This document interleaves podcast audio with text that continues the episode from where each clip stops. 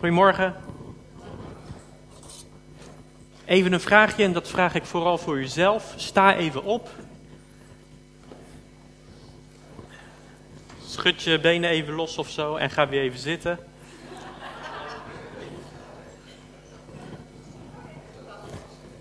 Het is altijd goed om eventjes uh, weer actief te zijn. Dan heb je weer wat, wat adem, wat energie om uh, weer even geconcentreerd te kunnen luisteren. Ik zie enkele nieuwe gezichten, dus ik zal mezelf heel, heel, heel kort voorstellen. Ik ben Andrew van Inge. Uh, ik zat hier uh, jaren geleden in de Open Thuis. En ik ben nog, het is hier nog steeds zo open en zo thuis dat ik hier nog steeds af en toe mag spreken. Hartelijk dank daarvoor. Um, nou, dat de introductie. ik heb hier trouwens nog twee familieleden met hun, uh, en dat zijn Karin en Nanda. Dat ook nog. Oké, nou, anyway, daar gaat de preek verder niet over. Ik, uh, heb, uh, ik wil een preek met jullie houden over God is liefde. Uh, het, jullie jaarthema is weer kleurrijk. En ik zat weer te denken van, ja, waar zie ik die, die kleurrijkheid? Waar zie ik die een verscheidenheid of verschillende dingen, verschillende aspecten die ik zou kunnen noemen. En als je verschillende dingen hebt, dan zou je dat kunnen vergelijken met verschillende kleurtjes. En toen dacht ik zo van, oh ja, dat weet ik nog wel. En ik moest denken aan een boekje dat ik ooit had gelezen, de, de Talen van Gods Liefde heet dat, van Gary Chapman. En ik dacht, ja, die, daar wil ik wel, daarop gebaseerd, dat in gedachten wil ik wel een, eh, een preek houden. Of daar, dat wil ik jullie wel, wel meegeven. Jullie over onderwijzen, jullie mee bemoedigen. Dus God is liefde. De subtitel van deze preek, uh, ik gebruik de beamer niet, maar ik heb hier zo'n mooie presentatie, die kunnen jullie later krijgen. Ik weet niet of dat via de site kan of dat ik het gewoon rondmail als het mij gevraagd wordt. Zien we dan wel. Maar uh, God is liefde en de subtitel is, en wij zijn zijn beelddragers. Dus wij zijn geschapen naar het beeld van God en zodoende zijn wij ook liefdevolle mensen. Mensen die liefde uit kunnen delen. God is liefde. Dat vind je in je 1 Johannes 4 vers 8 onder andere. Geliefde, laten wij elkaar lief hebben, want de liefde is uit God en ieder die lief heeft is uit God geboren en kent God. Wie niet lief heeft, kent God niet, want God is liefde. Johannes, die stelt het gewoon. God is liefde. Punt. Wij zijn zijn beelddragers. Dat zien we eigenlijk al gelijk in het begin, in Genesis 1. God zei, laten wij mensen maken naar ons beeld, naar onze gelijkenis. En laten zij heersen over de vissen van de zee, over de vogels in de lucht, over het vee, over heel de aarde en over al de kruipende dieren die over de aarde kruipen. En God schiep de mens naar zijn beeld. Naar het beeld van God schiep hij hem. Mannelijk en vrouwelijk schiep hij hen. En als we vervolgens kijken naar het perfecte beeld van God, dan zien we in Colossense 1, Christus is het beeld van de onzichtbare God. Paulus die schetst zo af en toe dat God een onbekende God is, een onzichtbare God is. Johannes die schrijft eerder in zijn brief ook dat, God, dat we God niet kunnen zien, dat hij een onzichtbare God is. Maar Jezus die kunnen we wel zien. Die hebben we, of tenminste wij niet. De discipelen hebben hem gezien. Hij leefde, hij liep hier op aarde rond. Ergens in Jeruzalem en in Israël, zo'n 4000 kilometer hier vandaan, liep Jezus. Hij was een echt mens. En over hem staat geschreven. En dat kunnen we terugvinden in de evangeliën en over zijn gedachtegoed lezen we ook in de verdere, in de verdere epistels, dus de, de brieven van, van Paulus en in de andere Nieuwtestamentische boeken. En over hem hadden we kunnen lezen in het Oude Testament. Als we goed opletten en de verhalen van Jezus kennen, dan kunnen we ook Jezus terugvinden in profetieën uit het Oude Testament. Om te zeggen, Jezus is het voorbeeld. En dus God schiep ons naar zijn beeld. En aangezien we eigenlijk dus niet weten, nou eigenlijk kunnen we naar onszelf kijken en dan weten we van, oh ja, maar wij zijn verpest door een zondeval. Dus wij zijn niet altijd even perfect. Uh, ik hoef alleen maar naar mezelf te kijken. Mijn vrouw vindt mij niet altijd perfect. Zij is al wel altijd perfect, maar dat doet er verder niet toe. Er zijn in ieder geval mensen op deze aarde, zoals ik, die niet perfect zijn. Maar Jezus, die is wel perfect. Dus als we kijken naar Jezus, dan zien we het goede en beste voorbeeld. Nou, de vijf liefdestalen. Mocht je een boekje hebben om op te schrijven, dit zijn de vijf liefdestalen. Bevestigende woorden, uh, tijd en aandacht, geschenken, dienstbaarheid, lichamelijke aanraking. Bevestigende woorden, positieve woorden, uh, complimenten, tijd en aandacht, quality time. Uh, ja, gewoon dat je bij de ander zit, dat je met de ander loopt. Geschenken, cadeautjes, dienstbaarheid, dat je iets voor een ander doet. Lichamelijke aanraking of lichaamstaal is wat fysieker, is wat ja, tastbaarder. Deze vijf liefdestalen, deze talen, die, die heeft Gary Chapman onderscheiden. Ja, en hij heeft daar talloze boeken over geschreven en heel positief ontvangen, ook door mij. Dus hoewel je niet ergens in de Bijbel een lijstje vindt met, kijk, dit zijn de vijf talen van Gods liefde, is het wel redelijk goed onderbouwd en ik herken het. Ik zie het ook terug. Dus vandaar ook dat ik deze vijf noem en met jullie bij langs wil gaan. Daarnaast, ja, daarnaast, ik wil dus in deze preek, deze preek heeft een bepaald patroon. Ten eerste per stuk, per liefdestaal, noem ik hoe toont God deze liefde. En vervolgens, hoe volgen we zijn voorbeeld? En dan kun je onder twee, daar zijn twee subrubriekjes van. Hoe kunnen wij God op deze manier liefhebben? En eigenlijk is dat dan als antwoord op het eerste gebod, kom ik zo op terug. En als tweede punt, hoe kunnen wij onze, onze naaste zo liefhebben? En dat is eigenlijk ter gehoorzaming aan het tweede gebod. Nou, mocht je het zijn vergeten, het eerste gebod is, u zult de Heere uw God liefhebben. Met heel uw hart, heel uw ziel en met heel uw verstand. Dit is het eerste en het grote gebod. Hier zien we dus eigenlijk, want heel je hart, ziel en verstand betekent gewoon met alles. Met je hele zijn, je, alles. Dus God wil lief gehad worden. God wil dat we hem lief hebben met alles. Helemaal. En het tweede gebod, daaraan gelijk, zegt Jezus, is, u zult uw naaste lief hebben als uzelf. Er is geen ander gebod groter dan deze, schrijft Marcus er zelfs bij. Nou, we beginnen bij bevestigende woorden. God is positief. Als je Efeze leest, en dan bijvoorbeeld Efeze 1 vers 3, dan lees je daar, gezegend zij de God en Vader van onze Heer Jezus Christus, die ons gezegend heeft met alle geestelijke zegen in de hemelse gewesten in Christus. Gezegend is God, ja, ben ik wel mee eens. En hij heeft ons gezegend, absoluut. En hij geeft geestelijke zegen, ja, ben ik ook mee eens. Maar als je kijkt naar de woorden die daar gebruikt worden, de Griekse woorden, dan zie je dat daar een woord komt en dat is eulogia. Die ons eulogia geeft met geestelijke zegen, met geestelijke logos. En als je dan net iets anders vertaalt, dan staat er, gelooft zij de God en Vader van onze Heer Jezus Christus, die ons geloofd heeft met alle geestelijke lof in de hemelse gewesten in Christus. En dan denk je even, huh? Worden wij geloofd? Want hetzelfde woordje dat gebruikt wordt van gelooft zij God, is hetzelfde woordje dat gebruikt wordt voor ons looft. God looft ons. Oftewel, God spreekt, spreekt positief over ons. Hij heeft goede woorden over ons en voor ons. Het ene goede woord was natuurlijk Jezus, Gods woord zelf, die had hij voor ons over. Maar daarnaast spreekt hij ook gewoon goede woorden over ons.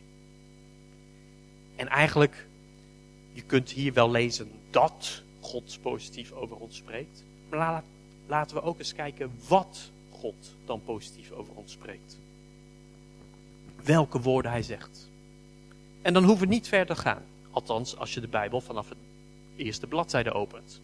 Dan zie je gelijk al in Genesis 1, vers 31. Dan heeft God net hemel en aarde geschapen, de dieren. De mens, die is er net. En dan zegt God, God keek naar alles wat hij gemaakt had. En zag dat het zeer goed was. Eerst vond hij het allemaal goed. Goed, goed, goed, goed. En toen was de mens erbij. En toen vond hij het zeer goed. Dan gaan we iets verder. Dan uh, zo'n 4000 jaar later is Jezus hier op aarde. En dan zegt hij tegen zijn discipelen: Ik noem jullie geen slaven meer. Want een slaaf, ik weet niet, weet niet wat zijn meester doet. Vrienden noem ik jullie. Omdat ik alles wat ik van de Vader heb gehoord aan jullie bekendgemaakt heb. Ik heb jullie hebben niet mij uitgekozen, maar ik jullie. Jezus noemt ons zelfs vrienden. Als dat niet positief is, dan weet ik het ook niet. En hoe kunnen wij dat dan teruggeven aan God? Nou, op zich heel logisch, heel cliché. Dat hebben we net al gedaan. Tenminste, als je meegezongen hebt. Of als je in je hart meedeed. God troont op onze lofzangen. U bent heilig, u troont op de lofzangen van Israël, zegt de psalmist, psalm 22. Dus door, door, door gewoon, ja, met lofzangen, door aanbidding, eer je God. Door, met aanbidding geef je God die liefdestaal terug. Bedank je God weer. Of, zoals Paulus zegt in 1 Thessalonicense, verblijd u altijd, bid zonder ophouden, Dank God in alles. Want dit is de wil van God in Christus Jezus voor u. God wil dat we Hem danken. Net zagen we al, het is zijn gebod dat we Hem met heel ons hart lief hebben. En deels is er natuurlijk ja, dus een gebod. Maar aan de andere kant, als je van God houdt, dan is dit dan natuurlijk ook een manier om, het, om Hem terug te bedanken om terug van Hem te houden. Tijd en aandacht. God neemt de tijd voor ons. Ook weer aan het begin zien we dat God wandelt met Adam en Eva in het hof, het hof van Eden. Hij neemt daar de tijd om s'avonds een wandeling te maken met Adam en Eva. En dat deed hij een tijdje. En wat dacht je van zijn wandelingen met Henoch? God wandelde met Henoch. Hij nam de tijd. En op een gegeven moment was Henoch weg. En iets later was God op bezoek bij Abraham. God die kwam in de, in de verschijning van een mens met uh, twee andere engelen erbij. En hij uh, kwam zo aanlopen. En Abraham die zag hem in de verte en die zei, ja, dat is een vreemdeling en volgens mij is dit wel een hele speciale. Dus ik denk dat hij ook wel zoiets had van, dit moet wel God zijn. Dus Abraham nodigde hem uit en ze, ze hadden een grote maaltijd. En ik weet niet of je het weet, maar in die tijd had je niet zomaar een maaltijd klaar. Dat duurde wel even. Er was geen stroom. En ook als viel de stroom uit, dan nog zou het gewoon echt best wel lang hebben geduurd om een maaltijd voor te bereiden. En die hele tijd was God daar en had hij tijd en aandacht voor Abraham. En vervolgens, nadat die maaltijd geweest is, gaat God verder, maar Abraham gaat nog even met hem mee en dan denkt God, dat staat er. Zal ik voor Abraham verbergen wat ik ga doen? Oftewel, God denkt, ja, Abraham, daar ga ik echt aandacht aan geven.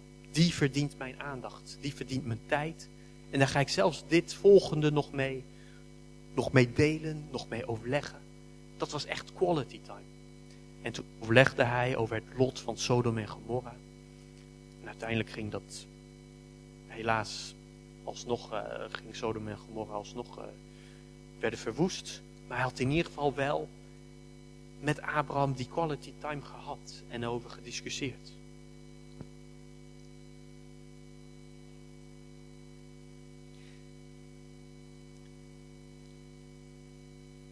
Hoe doen wij dat? Of wat vraagt God van ons dan?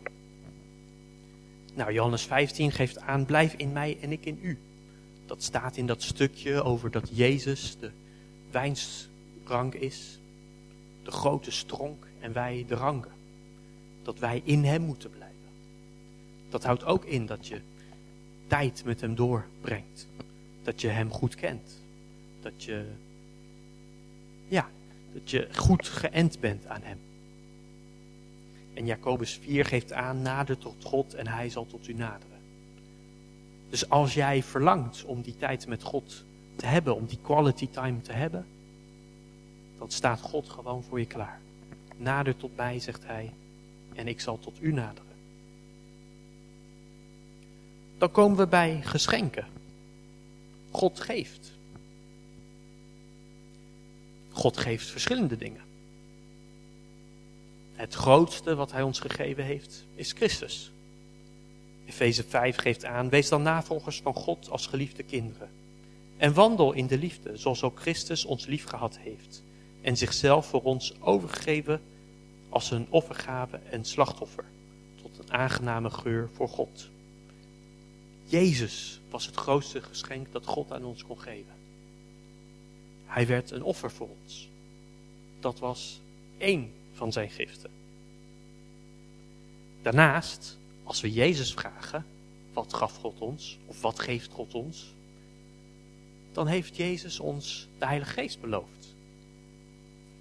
Voordat hij aan het kruis zou gaan, heeft Jezus nog een tijd met zijn discipelen en dan geeft hij aan, maar de trooster, de Heilige Geest, die de Vader zenden zal in mijn naam, die zal u in alles onderwijzen en u in herinnering brengen alles wat ik u gezegd heb. Vrede laat ik u, mijn vrede geef ik u. Niet zoals de wereld die geeft, geef ik die u. Laat uw hart niet in beroering raken en niet bevreesd worden. Oftewel, Jezus die heeft de Heilige Geest beloofd en die heeft hij ook gegeven. Het stukje dat gelezen werd uit 1 Johannes 4, die geeft ook aan, zo van, waaraan weten wij dat wij Gods kinderen zijn? Omdat we de Heilige Geest hebben. En hij geeft gelijk ook in dit stukje aan, mijn vrede geef ik. Als je bedenkt dat er in Nederland zo'n miljoen mensen zijn die gebukt gaan met allemaal psychische klachten, die stress hebben, dan is het toch bijzonder om te horen dat Jezus zegt, mijn vrede geef ik u. En dan is het misschien goed om daar eens bij stil te staan en te kijken, wat betekent dat voor mij? Wat betekent Jezus vrede? En hoe geven wij dat terug? Hoe, hoe geven wij God op deze manier, met deze liefdestaal, terug? Nou, door te geven. Geef en u zal gegeven worden. Een goede, vastgedrukte, geschudde, overlopende maat zal men u in de schoot geven. Want met dezelfde maat waarmee u meet, zal er ook bij u gemeten worden. Lucas 6.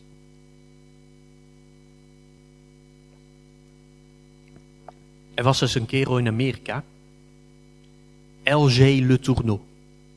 Ik weet niet of jullie ooit van hem gehoord hebben. Wie heeft ooit van hem gehoord? Meneer Le Tourneau? Niemand. Oh, cool.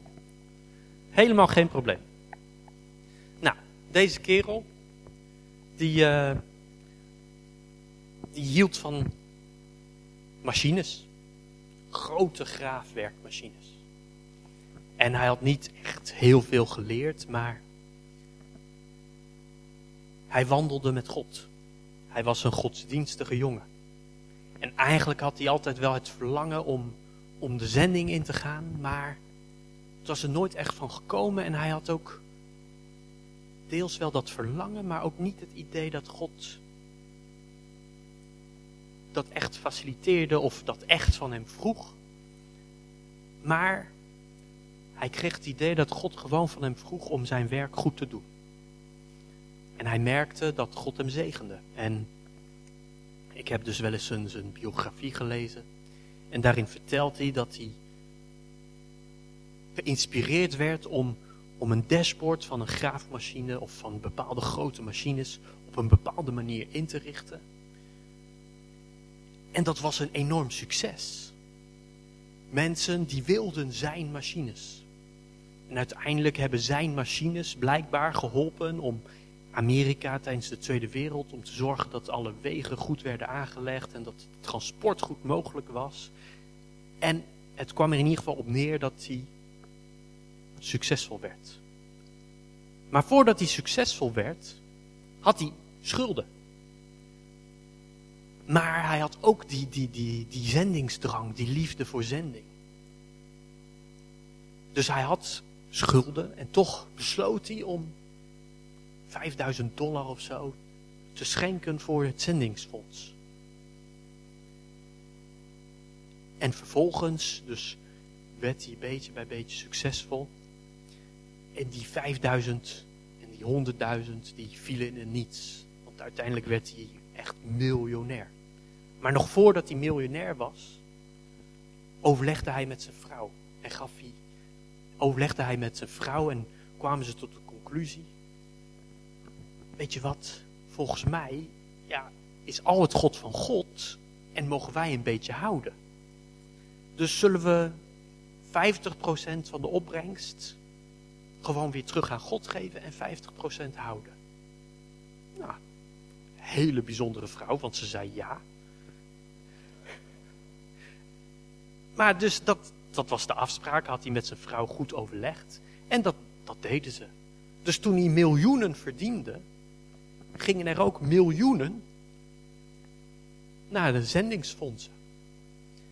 En op een gegeven moment is het zelfs zo geworden dat hij 90% weggaf. Maar ja, dat kan als je miljoenen hebt. En 10% hield. Maar dat was dus niet pas toen hij miljonair was dat hij dat bedacht had. Maar dus al eerder. Gewoon toen hij een gewone jongen was. Niet al te veel gestudeerd. Want hij, zo zegt hij zelf, als ik had gestudeerd, dan had iedereen, of tenminste, dan had ik geleerd dat ik dit niet moest doen. Dat ik het niet op deze manier moest doen. En hij heeft niet gestudeerd, dus hij kan ook zeggen zo van, ja, ik ben echt door God geïnspireerd om op deze manier mijn machines te bouwen. Maar deze kerel, die heeft dus gemerkt hoe het is om te geven en dat hem gegeven zal worden. En aan deze kerel, aan de houding van deze kerel, zie je ook dat geven echt een, een liefdestaal kan zijn. Een liefdesuiting aan God. Nou, ik noemde het al. Deze kerel, Le Tourneau, die gaf al aan in zijn biografie, ja, eigenlijk is alles van God en ik geef alleen maar een beetje, ja, ik moet even kijken wat ik kan, ervan kan houden. Uh, wat gunt hij mij? Nou, ik weet niet of jullie nog het verhaal kennen van de, van, ze komen mensen bij Jezus en dan vragen ze zo van, moeten wij wel geld aan Caesar geven? Moeten we de Romeinen belasting betalen? En dan heeft hij een trucje bedacht. Hij vraagt, geef me maar een muntje. Nou, ze gaven hem een muntje en op dat muntje zat het hoofd van Caesar. Dus ze hadden zoiets, en toen vroeg hij hun wie staat hierop? Oh ja, dat is Caesar. Nou, geef Caesar wat Caesar toekomt en God wat God toekomt. Oftewel, hij gaf aan, je moet en de Romeinenbelasting betalen en de tempelbelasting ook gewoon betalen. Maar daarmee had hij ook een ander punt. Ik vertelde net dat wij geschapen zijn naar het beeld van God. dan zou je ook kunnen zeggen dat Jezus zegt, geef God toe wat hem toebehoort. Dan zijn wij ineens persoonlijk iets wat we terug moeten geven aan God.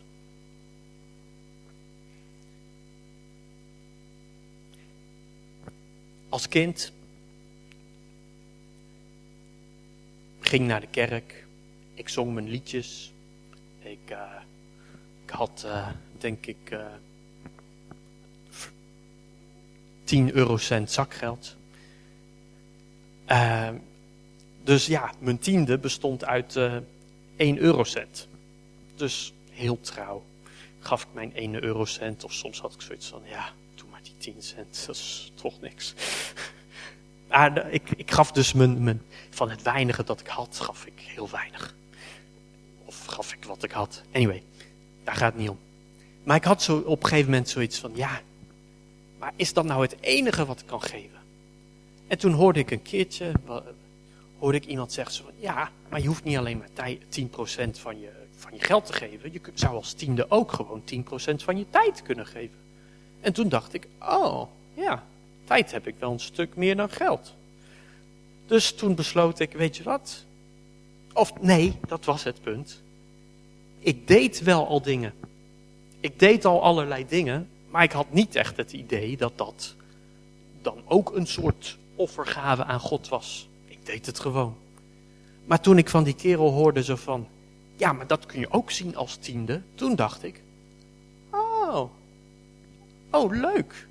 Toen werd ik een stuk enthousiaster ook van, oh ja, nou, ik ben blij dat God op die manier ook mijn liefde ervaart. Ook mijn liefde terugziet in, in, in mij.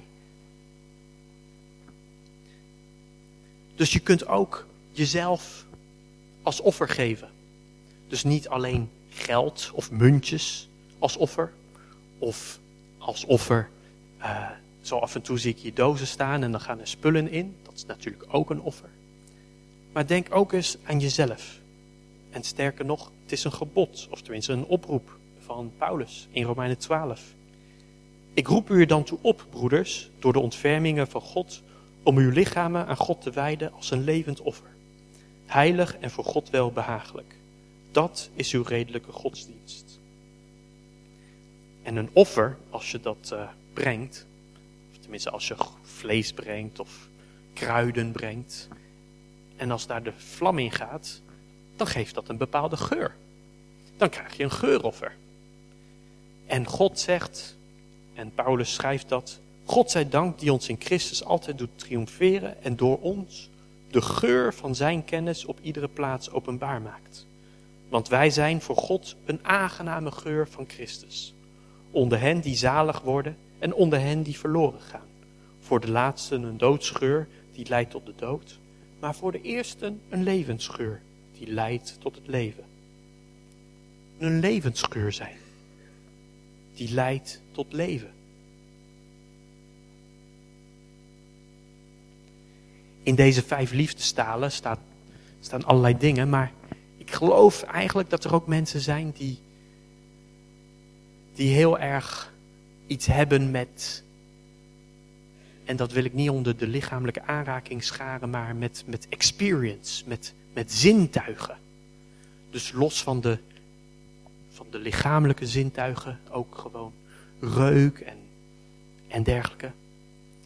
En dan zie je dat, je hoeft geen hand op te steken hoor, maar moet je even bedenken, hou je van om een kaarsje op te steken? Of sommige mensen houden van wierook of uh, een lekker uh, geurtje in bad of iets in die trend.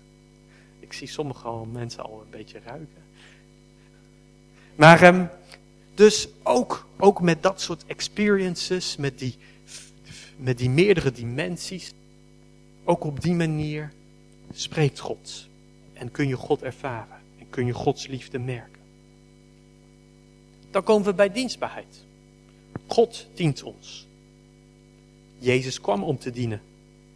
Hij zegt zelfs, wie van u de eerste zal willen worden, die moet dienaar van allen worden. Want ook de zoon des mensen is niet gekomen om gediend te worden, maar om te dienen en zijn ziel te geven als losprijs voor velen. We zien ook dat Jezus bij zijn laatste maaltijd gewoon de voeten gaat wassen. Dat was de rol van de minste.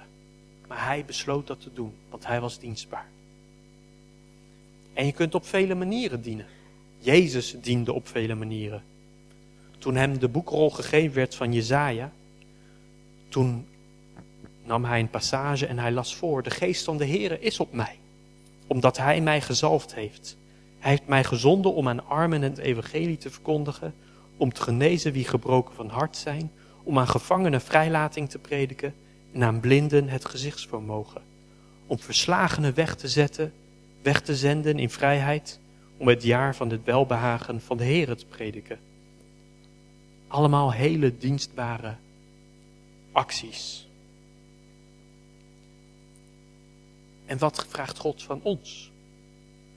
Nou, het einde, aan het einde der tijden, dan komt Jezus terug en dan is hij als een koning. En dan zal de koning zeggen tegen hen die aan zijn rechterhand zijn, Kom, gezegenden van mijn vader, beërf het koninkrijk dat voor u bestemd is vanaf de grondlegging van de wereld. Want ik had honger en u hebt mij te eten gegeven. Ik had dorst en u hebt mij te drinken gegeven. Ik was een vreemdeling en u hebt mij met gastvrijheid onderhaald. Ik was naakt en u hebt mij gekleed. Ik ben ziek geweest en u hebt mij bezocht. Ik was in de gevangenis en u bent bij mij gekomen. En dan zullen de mensen vragen, maar hoe, hoe dan? Wanneer dan? Jezus is al, dat is al 2000 jaar geleden. Ik leefde echt niet toen. En dan zegt Jezus, voorwaar ik zeg u, voor zover u dit voor een van deze geringste broeders gedaan hebt, hebt u dat voor mij gedaan. Wij kunnen nu nog gewoon een hand en een voet zijn van Christus. Wij kunnen nu nog Jezus bedanken. Jezus ook met dienstbaarheid liefde teruggeven. Dan komen we bij het laatste, lichamelijke aanraking. Dan is weer de vraag, raakt God ons? Hij is toch onzichtbaar? Johannes die schrijft, niemand heeft ooit God gezien. Als wij elkaar lief hebben, blijft God in ons en, in zijn, en is zijn liefde in ons volmaakt geworden. Hieraan weten wij dat wij in hem blijven en hij in ons, doordat hij ons zijn geest gegeven heeft. Als iemand zou zeggen, ik heb God lief, en hij zou zijn broeder haten, dan is hij een leugenaar. Want wie zijn broeder, die hij ziet, niet lief heeft, hoe kan hij God lief hebben, die hij niet gezien heeft? Dus aan de ene kant kunnen we God niet zien. Is God ook niet, is God de Vader ook niet een persoon? Maar de Heer Jezus Christus, die is wel naar de aarde gekomen. Helaas, 2000 jaar geleden. Voor ons is dat helaas.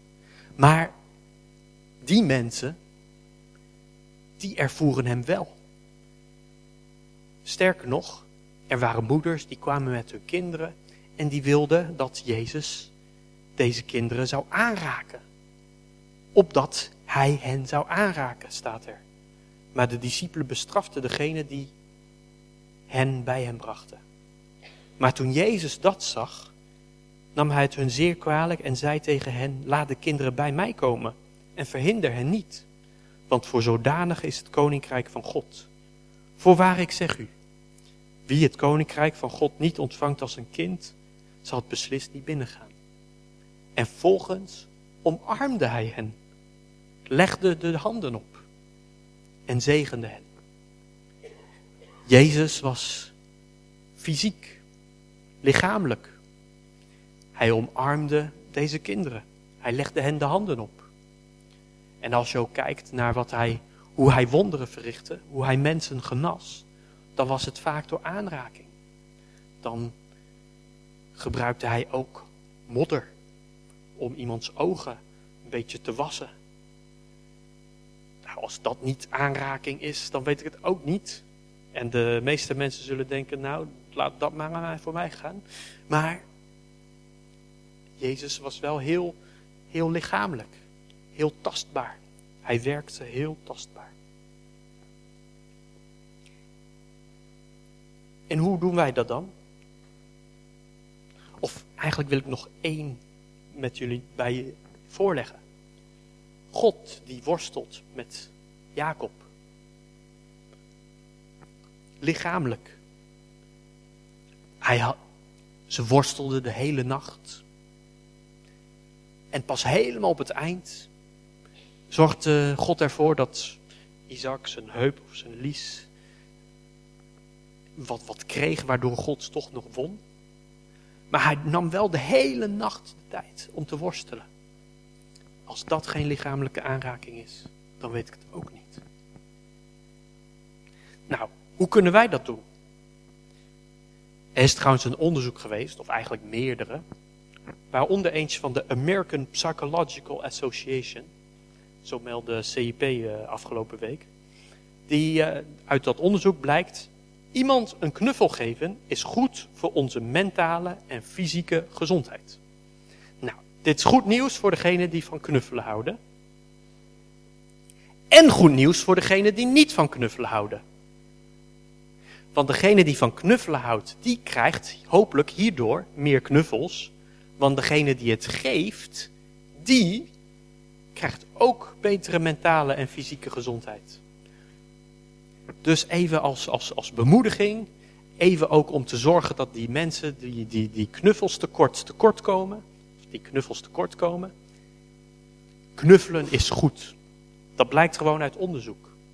Je weet het zelf ook wel met kinderen. Kinderen die, die daarvan is het goed als die op jonge leeftijd gewoon goed aangeraakt worden, goed vastgehouden worden. En voor sommige mensen is dat nu nog steeds gewoon heel belangrijk. Dus geef elkaar eens zo'n zo'n christelijke broederhug of zo'n christelijke zusterhug.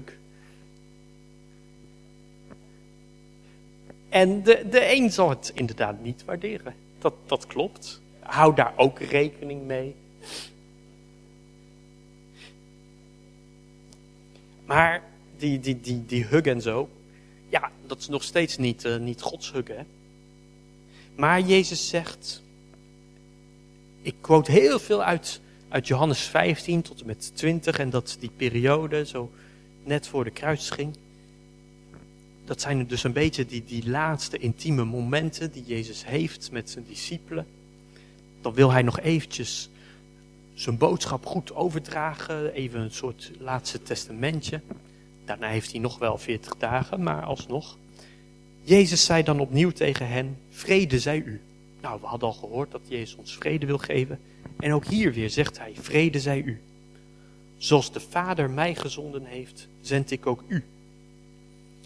Dus God, nou ja, dat zagen we dus ietsjes eerder, die stuurde Jezus dus om dienstbaar te zijn, om, om zieken te genezen, om de melaatsen aan te raken.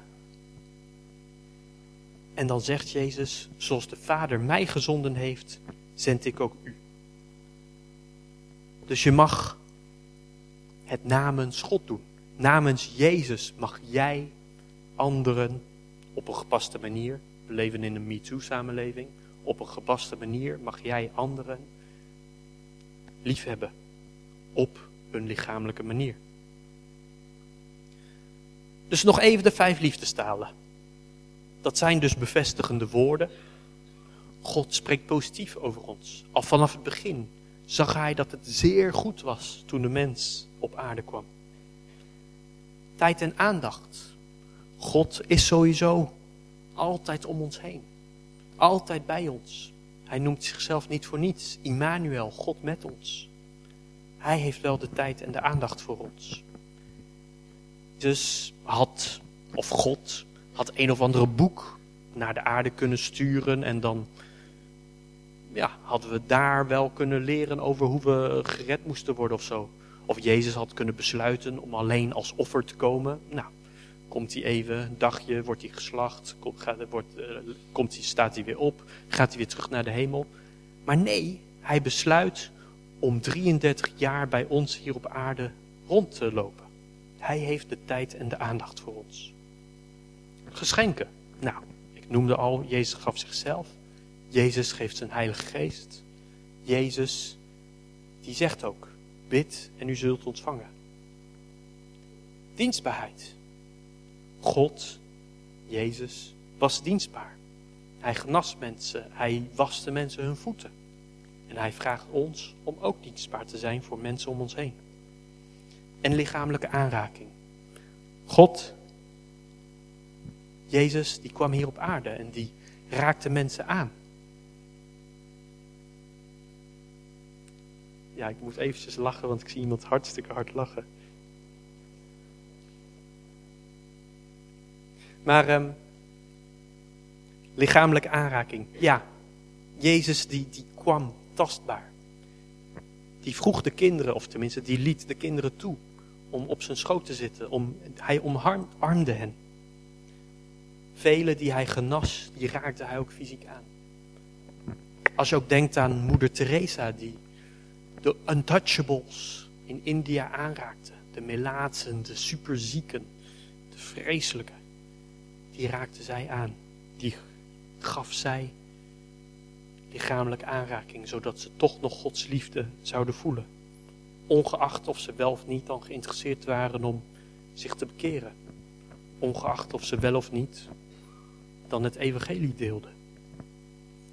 Ze toonden gewoon liefde en via lichamelijke aanraking en geloofden dat op die manier ze dienstbaar was aan God. En ik wil afsluiten met een aangepaste versie van het gebed dat Jezus voor zijn discipelen bad. Een zegen die Jezus zijn discipelen gaf.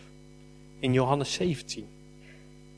Net voordat hij gevangen wordt genomen, bidt hij voor zijn discipelen. En die heb ik ietsjes aangepast. Dus Jezus die zei dit, maar ik heb zijn naam gewoon, dus waar ik staat, heb ik vervangen met Christus. En waar hij het heeft over ons, zijn gemeente, heb ik ons neergezet. En dit gebed wil ik met jullie bidden. God onze Vader, Heer Jezus Christus en Heilige Geest. De waarheid is de boodschap die bij u vandaan komt. Zorg dat wij, uw leerlingen, die waarheid leren kennen, zodat we voorbereid zijn op onze taak. Want u stuurt ons de wereld in om uw boodschap bekend te maken. Net zoals u Christus naar deze wereld gestuurd hebt. De Heer Jezus is klaar met zijn taak. Hij heeft zijn leven voor ons gegeven. Ook wij moeten voorbereid zijn op onze taak. Daarom moeten we de waarheid leren kennen. Dank u dat we uw boodschap gehoord hebben. Laat ons samen één zijn, net zoals u samen één bent. En laat ons ook één zijn met u. Dan zullen alle mensen op aarde geloven dat u Christus gestuurd hebt. U hebt hem uw hemelse macht gegeven. En hij heeft die macht aan ons gegeven. Daardoor zullen wij samen één zijn, net zoals u samen één bent. Vader, u bent één met uw zoon en hij is één met ons. Geef dat wij samen volmaakt één zijn met u. Dan zullen alle mensen weten dat u ons gestuurd hebt. Dan weten ze dat u van ons houdt, net zoals u van uw zoon houdt. Vader, u hebt ons aan Christus gegeven. Wij willen dicht bij u zijn. Dan zullen we de Heere Jezus zien op zijn plaats naast u in de hemel. U hebt hem die plaats gegeven, want u hield al van hem voordat u de aarde maakte. Goede Vader, de mensen van deze wereld kennen u niet. Wij weten dat u Christus gestuurd hebt. Hij heeft ons bekendgemaakt wie u bent. En dat blijft hij doen. Uw liefde voor hem zal nu ook bij ons zijn. En u zult altijd in ons zijn. Dank u wel. Wees gezegend.